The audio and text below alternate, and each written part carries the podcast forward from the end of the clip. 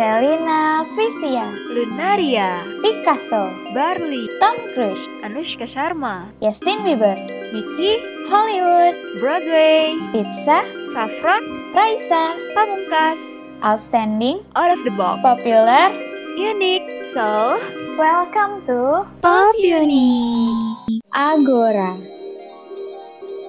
Pasado, Halo semuanya, hai hai hai Balik lagi nih sama gue, Bena. Dan tentunya partner gue yang satu ini yaitu? Mute, Iya, gue dan Mute hari ini bawain dua sihir. Yang pertama itu tadi ada Agora dan Pasado. Nah ini tuh dari bahasa Galicia ya. Dan artinya adalah sekarang sama dulu Alias kita bakal bawain tema band western jadul sama band western masa kini nih. Seru banget gak sih di episode ke-18 nih kita kembali membandingkan dua yang jadul dan juga yang kekinian. Iya nggak Teh? Iya benar dan juga kita tuh dulu pernah ngebahas tentang lagu juga kan. Eh, kalau nggak salah tuh lagu indie sama lagu pop tuh di episode awal-awal. Tapi sekarang kita bahasannya udah beda. Kita lebih ke bandnya ya, ya khusus band western yang masa kini dan band yang jadul tuh. Betul, betul, betul. Nah, sekarang nih, eh, seperti biasa kan kita ada tim-timnya ya. Gue mewakili band masa kini dong tentunya, karena kan populer. Dan lo akan mewakili? Dan tentunya gue bakal mewakili band jadul lah, secara unik gitu kan. Betul, betul, betul. Oke, kalau gitu kita langsung aja kasih tiga rekomendasi kali ya Eh, band-band jadul dan band masa kini yang lagunya itu seru-seru banget buat kita dengerin yang asik-asik banget tentunya di segmen 2 Nah, jadi di segmen 2 ini gue bakal bawain rekomendasiin tentunya tiga band masa kini nih yang tentunya kekinian dan lagunya enak-enak banget. Nah, langsung aja ke yang pertama. Yang pertama ini ada The Fams nih, Teh. Lo tau gak nih The Fams? Nggak tahu. Masa sih? Oh my God. Lu the prank. Iya, iya. Padahal tapi pasti lo tahu sih lagunya ya. Karena lo pernah gue setelin dan lo Mungkin, suka waktu mungkin. itu. Iya, iya. Nah, jadi The Oh Fams gitu ya, gue nggak inget.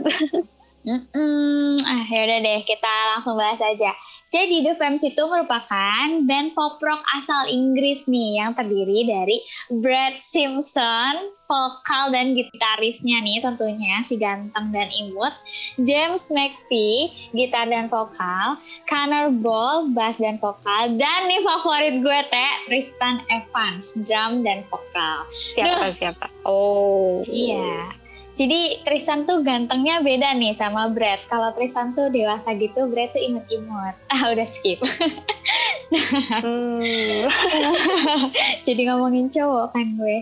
Nah, terus mereka nih awalnya sering ngunggah cover-cover lagu gitu nih dari artis-artis ternama di akun YouTube mereka. Sampai akhirnya mereka mulai dikenal namanya di akhir tahun 2012 dan bergabung nih dengan Mercury Records pada November 2012. Can We Dance dirilis sebagai singlenya nih pada September 2013 dan memuncak di nomor 2 UK Single Charts. Wow, keren banget emang ya. Jadi dia baru 2012 nih bergabung sama Baru debut ya. Hmm, kayak kalau Korea ya kalau denger debut tuh. Iya iya.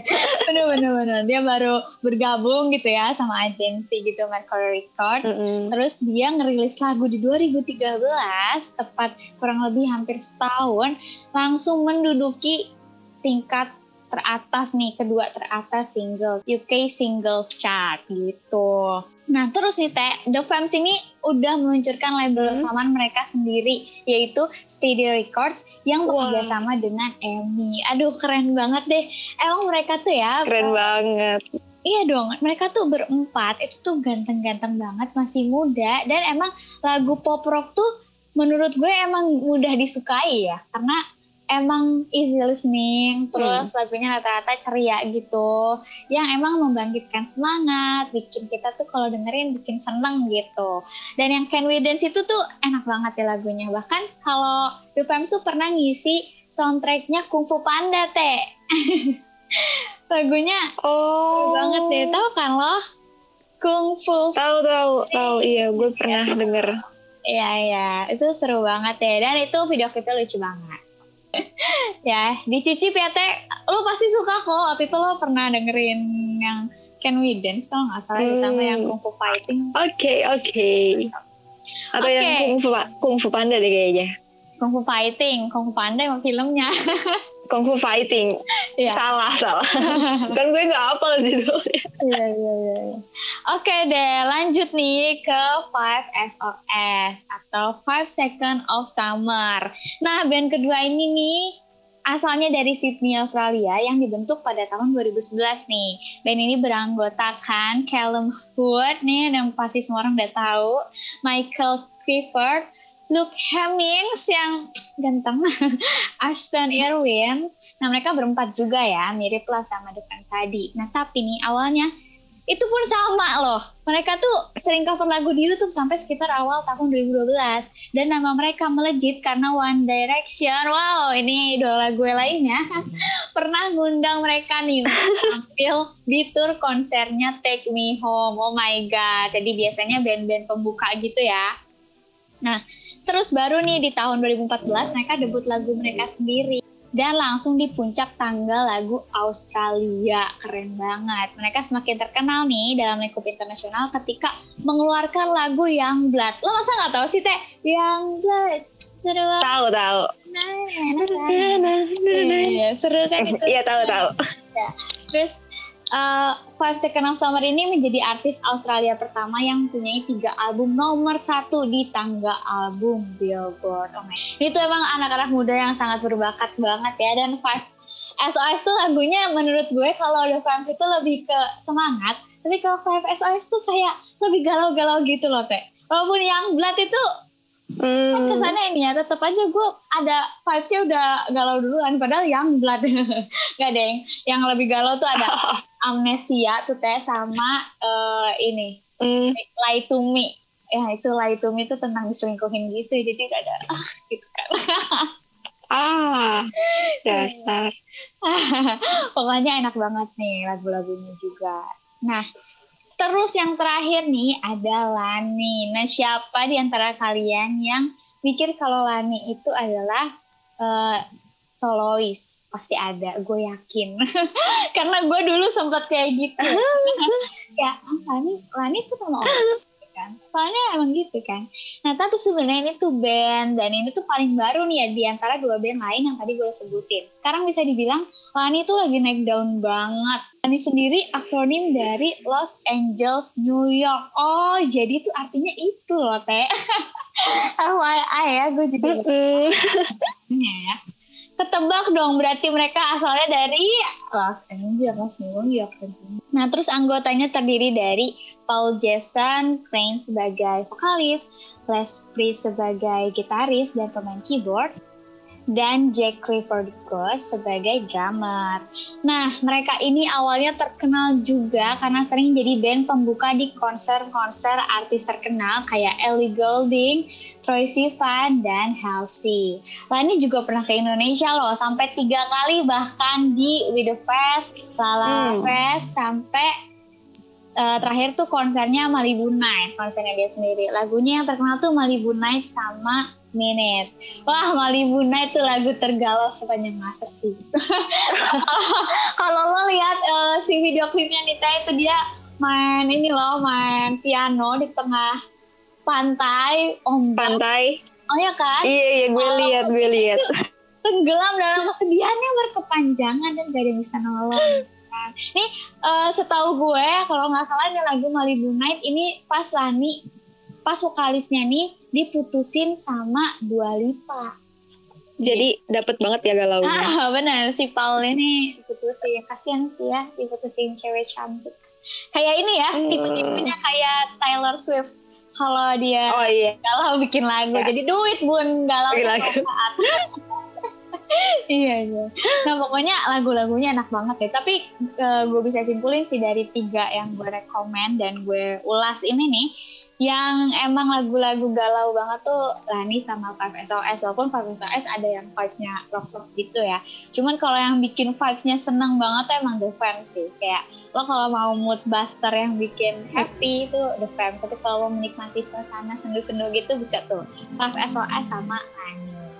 Dah jadi itu aja deh tiga rekomendasi dari gue teh. Nah sekarang gue pengen tahu dong kalau dari band-band western jadul nih yang pasti udah melegenda dan sampai sekarang pasti masih banyak yang dengerin lagunya.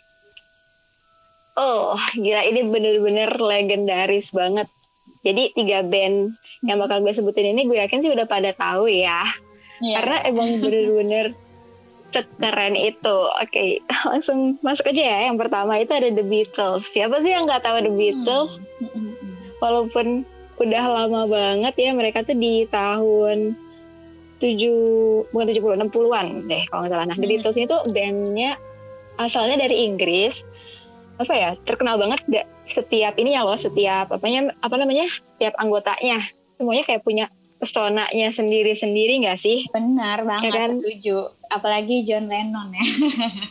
Dan Paul McCartney. Uh, uh, uh, terkenal banget. John Lennon yang ditembak itu kan sama fansnya. Uh -uh. Yes. Iya. Nah, jadi mereka itu awalnya terbentuk di tahun 1960. Iya, di tahun 1960. mereka dianggap sebagai perwujudan ide-ide progresif dan sangat berpengaruh terhadap revolu revolusi sosial budaya pada dekade 60-an. Nah, hmm. jadi itu kalau nggak salah itu lagi kayak masa peralihan dari musik-musik yang sebelumnya gitu loh, Ben. Iya, iya. Nah, ini tuh kayak musik-musik modern gitu ah, kayak ah.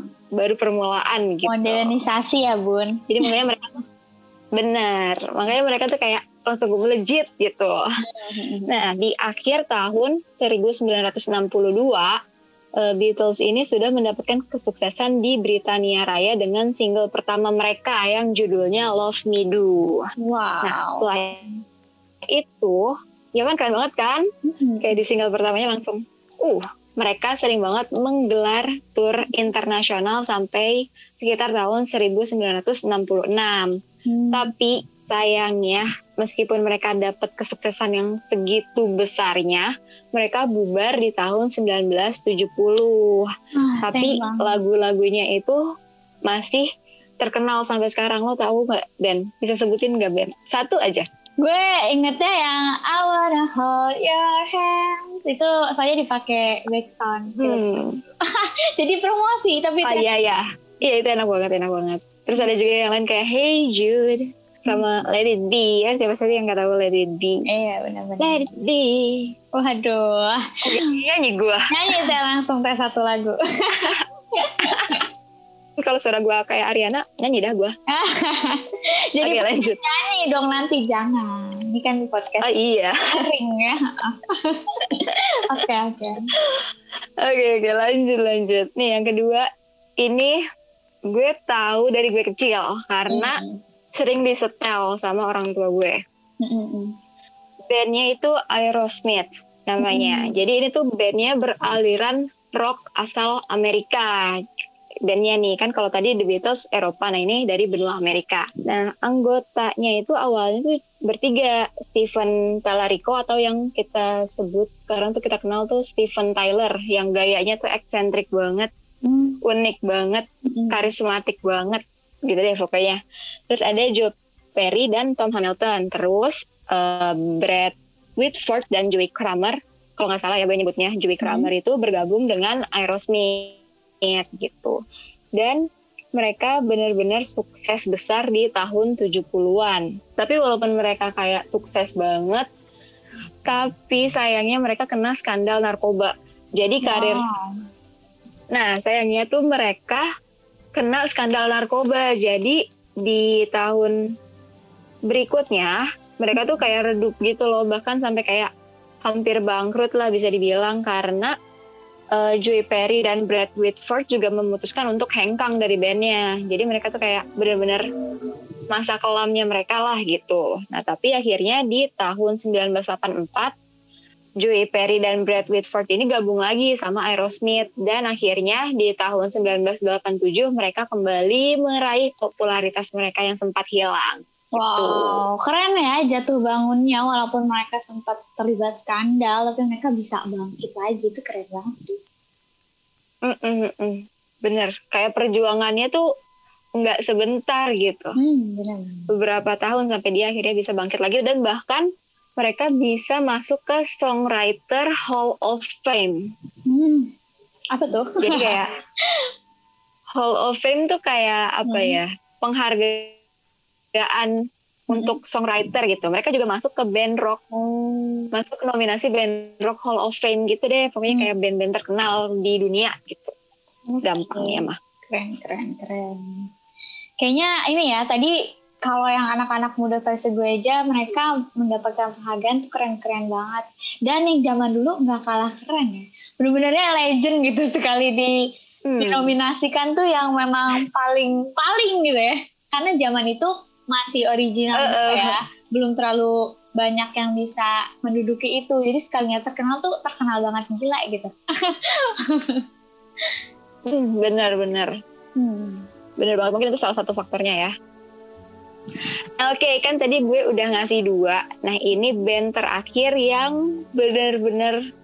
Nah, band terakhir ini terkenal banget sih, apalagi karena di tahun 2018 tuh ada film yang ngebahas tentang vokalisnya. Lo bisa nebak Ah. nggak band? Band apa? Queen doang udah pasti. Ih, 100. Gila, bener. Rhapsody apa ya? Gue harus bang. Bohemian Rhapsody Oh, judulnya. benar, judul Bohemian. filmnya juga. Ya betul betul. Judul lagu dan judul film. Oke. karena menurut gue mereka tuh bener-bener kayak namanya gitu Queen Iya. Karena mereka terkenal itu jadi kayak mereka harus banget nih ada di list ini gitu Oke, benar-benar. Tuh, makanya gue masukin mereka Nice. nah band ini tuh asalnya dari Britania Raya jadi mereka itu beraliran rock yang anggotanya terdiri dari Freddie Mercury, John Deacon, Brian May, dan Roger Taylor. Dan salah satu karya mereka yang paling terkenal itu We Will Rock You. Tahu kan Hmm. pasti Oh, kayak di pertandingan-pertandingan. Ah, gitu benar, kan, benar. Bola banget juga sih ada- di otak gue Ya kan? ada Queen. Benar-benar. Bener-bener lagu yang We Are the Champions juga Iya. sering kan di olahraga. Iya. Wih. Hmm. Nah terus Iya, gitu ya. gue jadi nyanyi. Aduh. Terus yang terakhir itu ada Bohemian Rhapsody. Ini tuh lagu berbekas banget karena ini lagu pertama Queen yang gue dengar pas gue SD. Hmm. Gue dikasih tahu om gue terus ini lagu panjang banget kan durasinya. Dan iya. menurut gue ini kayak oh my god ini bagus banget. Yang ini nadanya tuh musikalitasnya sangat tinggi. Betul betul. Gue sampai kalau di filmnya ada ya dia cara pembuatan lagunya loh teh yang dipotong dulu tuh di cut tuh zaman Hmm. dulu yang gulungan-gulungan itu dipotong Iya iya. kalau digunting disambungin udah gila. Gue ngedit pakai laptop rada lemot aja Bener. kadang marah. Ini begitu caranya emang orang-orang dulu tuh keren sih sabar banget dengan teknologi yang belum semaju sekarang. Iya iya. Mm-mm, gila hebat banget parah. Ah sampai merinding gue. nah, nah tapi sayangnya nih ada apa ya kabar kurang mengenakan dari vokalisnya karena dia mengidap bron apa ya namanya bronchopneumonia atau Hmm. suatu komplikasi dari penyakit AIDS gitu. Karena karena Freddie Mercury ini ternyata dia kena HIV AIDS gitu. Dan nah karena dia mengidap penyakit AIDS ini dia memutuskan untuk memberikan persembahan penampilan terakhirnya bersama Queen di Knebworth Inggris gitu dan dia meninggal beliau meninggal di tahun 1991 karena penyakitnya tersebut Kemudian di tahun 1997 Deacon mengundurkan diri juga dari band Queen gitu. Hmm. Akhirnya mereka kayak mengalami penurunan gitu. Nah tapi karena mereka ini eh, sangat legendaris ya, jadi di tahun 2004 Mm-mm. sisa sisa anggota yang anggota yang masih tersisa gitu ya, May dan Taylor, mereka tuh mengadakan tour dengan nama Queen Plus gitu. Nah, jadi Hmm. vokalis-vokalisnya baru ada Paul Rogers sama Adam Lambert gitu. Keren, keren, keren. Gitu deh dari Walaupun tim gue ini dari ya. tim jadwal. Bener-bener. Queen juga mirip-mirip ya. Kayak Aerosmith kan tadi karena skandal. Kalau ini karena berbagai hal lah ya. Jadi sempat mengalami penurunan. Tapi itu sih karena kesabaran dan konsistensinya itu ya. Jadi ah Eta dulu. Nanti nanggepinnya di segmen 3 aja. Oh iya, Gue suka gemes. Ya udah yuk kita udah gak sabar ya bu. Ah, benar. Kita lanjut aja yuk Teh ke segmen 3. Nah, di segmen 3 ini kita ngasih tanggapan ya satu sama lain dan karena tadi gue udah buru-buru, gue dulu ya Teh ngasih tanggapan. Kalau nih baru nanti Oke. nanti ada something nih yang bakal gue kasih tahu setelah gue saya nanggepin. Nah, yang pertama tadi menurut gue band-band jadul tuh sebuah menjadi legenda gitu rata-rata yang benar-benar sampai sekarang karena mereka itu kayak penemu-penemu ya di mana pada saat itu teknologi belum maju dan mereka tuh benar-benar fight gitu buat membuat sebuah karya dengan kesabaran dengan kecerdasan dan juga kreativitas yang luar biasa dan mereka tuh mentalnya kuat-kuat banget menurut gue. Kayak Aerosmith yang tadi kena skandal, Queen juga dengan eh, vokalisnya yang juga sakit, terus juga keluar nih para anggota bandnya. Tapi sempat ngadain lagi nih tour pas 2004 itu di bawah nama Queen Plus. Dan itu masih benar-benar dicintai gitu oleh banyak orang. Jadi menurut gue mulai dari lagunya, dari komposisi bandnya, bahkan dari struggle-nya sih yang itu tadi belum banyak teknologi yang benar-benar memim- membantu mereka ya untuk membuat sebuah karya, tapi mereka tuh benar-benar sabar, telaten, teliti, kreatif dan itu membuat sebuah karya yang gemilang gitu, yang benar-benar dicintai sampai kapan pun gitu, legendaris. Jadi sangat-sangat apa ya, sangat-sangat wajar kalau semua orang sampai adik-adik kita mungkin tahu gitu Queen itu siapa, seenggaknya pernah denger lagunya lah gitu. Dan ada juga bahkan mungkin yang masih pada ngefans walaupun nggak pernah melihat wujudnya secara langsung atau live yang bener-bener live karena sekarang udah bener-bener nggak ada gitu kan kecuali film dokumenternya. Jadi ya Hmm. itu keren banget sih. Apalagi kalau ini ya yang di masa-masa tanggung teh kayak kita. Kan maksudnya kita juga waktu SD gitu udah udah tahu walaupun ya nggak jauh beda. Kita masih kecil banget gitu ya pas mereka udah mulai berhenti atau gimana. Hmm. tapi di antara peralihan itu tuh kita ngerasain nostalgia gitu loh walaupun mungkin nggak senostalgia orang-orang Iya. zaman itu ya jadi seru aja sih untuk mengenang Mm-mm. momen dan lain-lain lewat lagu-lagu jadul juga dan lain-lain. jadi bagus banget deh buat dicicipin sama orang-orang kekinian juga biar gak monoton ya karena hidup tuh terkadang harus melihat ke belakang ya udah gitu deh nah kalau tanggapan lo nih soal band-band kekinian gue tadi gimana teh Hmm, Oke, kalau gue gini nih, gue jadi terinspirasi dari kata-kata lo tadi nih.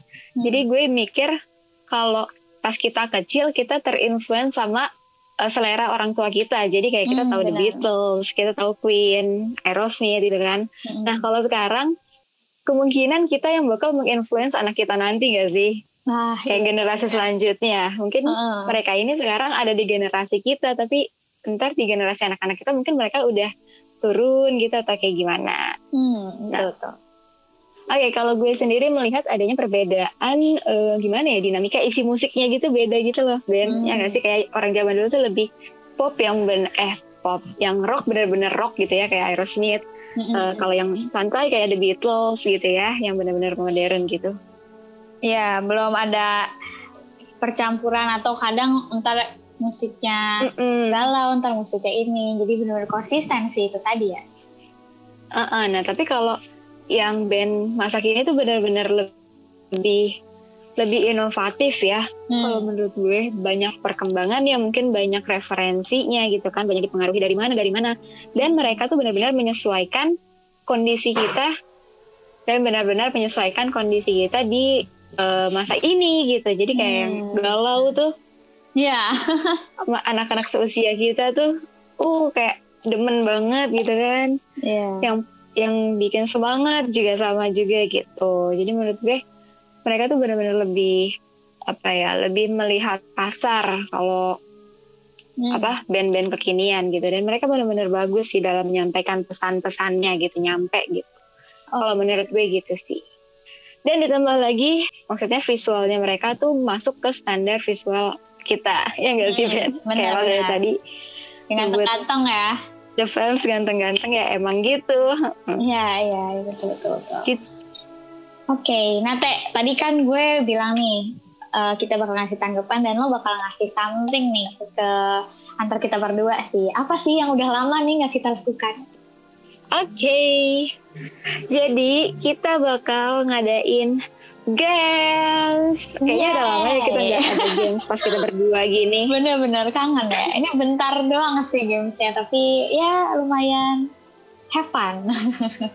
Mm-mm, have fun, have fun. Kak. Oke, jadi kita bakal tebak lagu nih. Jadi Yes. gue dan Bena bakal ngasih satu eh, musik, bukan satu musik, satu lagu instrumental gitu ya, musiknya aja dan lawannya harus menebak gitu. Jadi Bena ngasih ini dari tim band kekinian dan gue harus nebak begitu pula sebaliknya gitu. Ngerti kan Ben? Oke, ngerti dong. Ya, ya kita langsung main aja. Gue dulu deh ya. Kayaknya sih lo nggak tahu sih, soalnya Oke. tapi lo coba aja tebak ya. Oke, jadi ini instrumental nih Teh, dan ini tuh dari YouTube Sick Beats ya. Lo coba dengerin dan tebak ini lagu apa.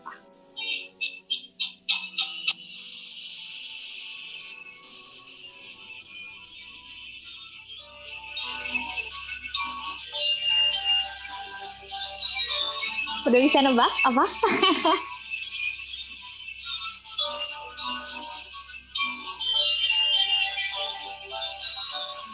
Oke, itu aja. Nggak usah panjang-panjang. Apa, Teh?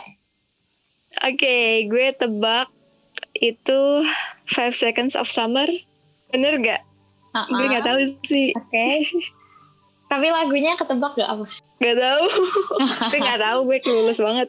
Oke, oke, oke. Karena emang Mute jarang dengerin dan apal judulnya ya kalau lagu ini. ya. Gue kasih tau aja nih, Teh. Tadi benar, Five Seconds of Hmm. Summer. Itu lagu Amnesia bagian. Oh. Oke, gak apa-apa, gak Gue gak apa-apa. tahu judulnya. Iya, iya. Nanti lo denger-dengerin dan inget-inget judulnya ya. Lanjut, lanjut. Sekarang gue. Sok, sok. Oke, oke. Oke, nah jadi instrumental gue ini ngambil dari Karavan Karaoke gitu. Jadi kita bisa ikutan sekalian karaoke gitu. Oke, Oke. langsung aja ya. Nah, deg-degan gue. Oke, siap ya. ya. Satu, dua, tiga.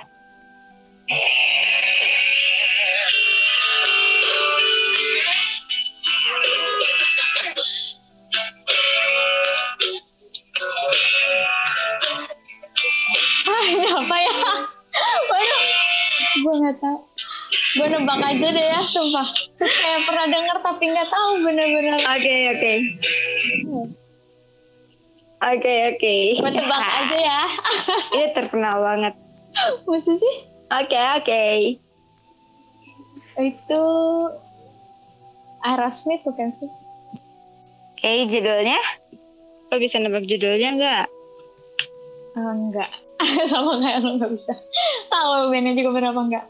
Ya, udah kasih tau aja deh. Uh, White Flag. Oke, jadi jawabannya adalah bandnya Aerosmith dan judulnya Crazy. Kita tahu. Bener-bener mah. Berarti kita sama-sama tahu bandnya doang ya? Kelulus banget nih ternyata kalau musik doang minimal ada lirik dah ya oke oke ya udah deh ya berarti kita nilainya Oke, setengah oke. setengah deh ya oke deh ya udah berarti kita langsung lanjut Sama aja. ya gitu.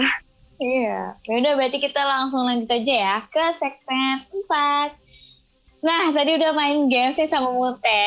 Walaupun kita dua-duanya nggak bisa nebak judulnya apa, tapi eh, bandnya itu tidak benar ya. Karena tes tes bandnya tuh kerasa sebenarnya, cuman si tanpa lirik kita nggak tahu tuh lagu apa ya. seperti biasa gue akan memberikan rangkuman nih. Nah tadi kita udah ngomongin nih, ini bukan merekomendasi kali ya, ini lebih ke mengulas band-band jadul versi band hmm. ini ya nih yang western. Dan itu tuh uh, kelihatan banget ya dari bentuknya, dari pencapaian-pencapaian mereka semuanya itu sama-sama berprestasi dan juga keren-keren banget nih karyanya. Nah, yang bedain tuh apa? Cuma di masanya aja. Tapi perbedaan masa itu sendiri bikin perbedaan yang sungguh besar ya. Kayak tadi yang udah sempat disinggung sama Mute dan juga sama gue soal uh, tadi kan Mute bilang kalau dulu tuh pop ya bener-bener pop banget, yang rock tuh rock banget. Jadi maksudnya emang si ciri khasnya udah bener-bener kuat gitu. Nah kalau sekarang tuh kadang lebih inovatif, lebih fleksibel dan juga bisa nyampurin uh, misalkan apalagi kalau dia kolaborasi ya kan kalau zaman sekarang kan udah hits banget tuh collab collab collab kayak gitu mm -hmm. apa nambahin cita rasa di musiknya itu sendiri jadi memang perbedaannya cuma di dulu tuh uh, menjadi penemu dan sekarang itu menjadi pengembang gitu ya. Penerus. Iya, penerus. Salah ya gue.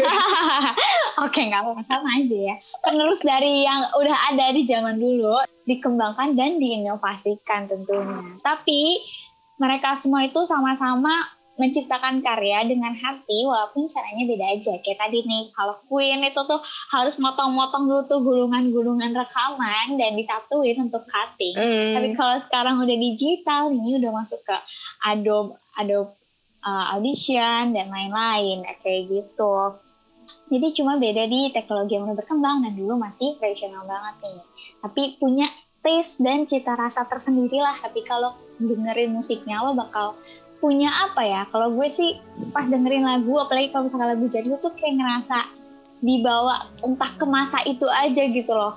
Karena itu gue ngebayangin mereka yang rekaman pada tahun itu dengan situasi yang itu gue kadang mikir gitu. Dan kalau yang sekarang dengan kemajuan teknologi dengan orang-orang yang udah punya standarisasi bahkan tadi yang kata Mute dari secara fisik ya yang mungkin ada kasarnya penentuan gitu mana yang standar gantengnya nih yang bakal pasti populer dan lain-lain kayak gitu. Beda sama dulu yang bener-bener bakat banget ya karena kan mm -mm. dia beda ya dulu lebih belum nunjukin visual banget kalau sekarang kan emang udah harus audio visual dua-duanya udah harus benar-benar bagus gitu dan diatur uh, ditata sedemikian rupa jadi kalau dulu mungkin lebih natural dan sekarang tuh lebih di set sedemikian rupa, tapi dua-duanya punya struggle tersendiri, gitu sih.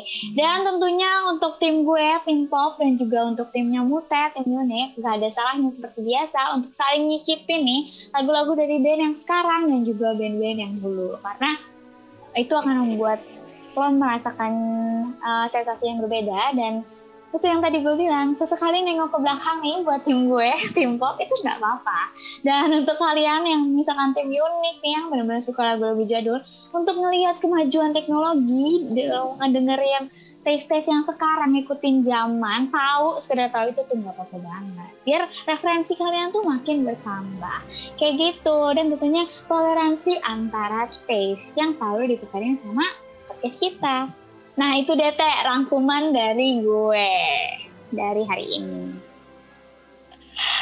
Oke, wah seru banget ya hari ini kayak kita hmm. sama-sama semangat gitu kayak Bener. lo lebih suka band-band kekinian dan gue emang bener-bener lebih suka band-band jadul gitu Iya iya iya, emang sesuai banget ya. Bener-bener. Ah, tapi sayang banget nih perbincangan kita nih harus berakhir sampai di sini karena hmm. ya durasi lah ya kita terbatas. Nah, hmm. tapi minggu depan kita bakal balik lagi tentunya dengan tema-tema yang gak kalah seru dari hari ini. Oke, okay, karena minggu depan episode kita itu episode ganjil, jadi seperti saya kita bakal ada narasumber di episode ganjil gitu ya kan Ben? Iya, benar banget. Dan hmm. kalau gitu kita pamit undur diri dulu ya, Teh. Kalau gitu sampai jumpa minggu depan. Bye-bye. Bye-bye. Pop Unik. The magic between the taste. Iya, Fe. Kratia.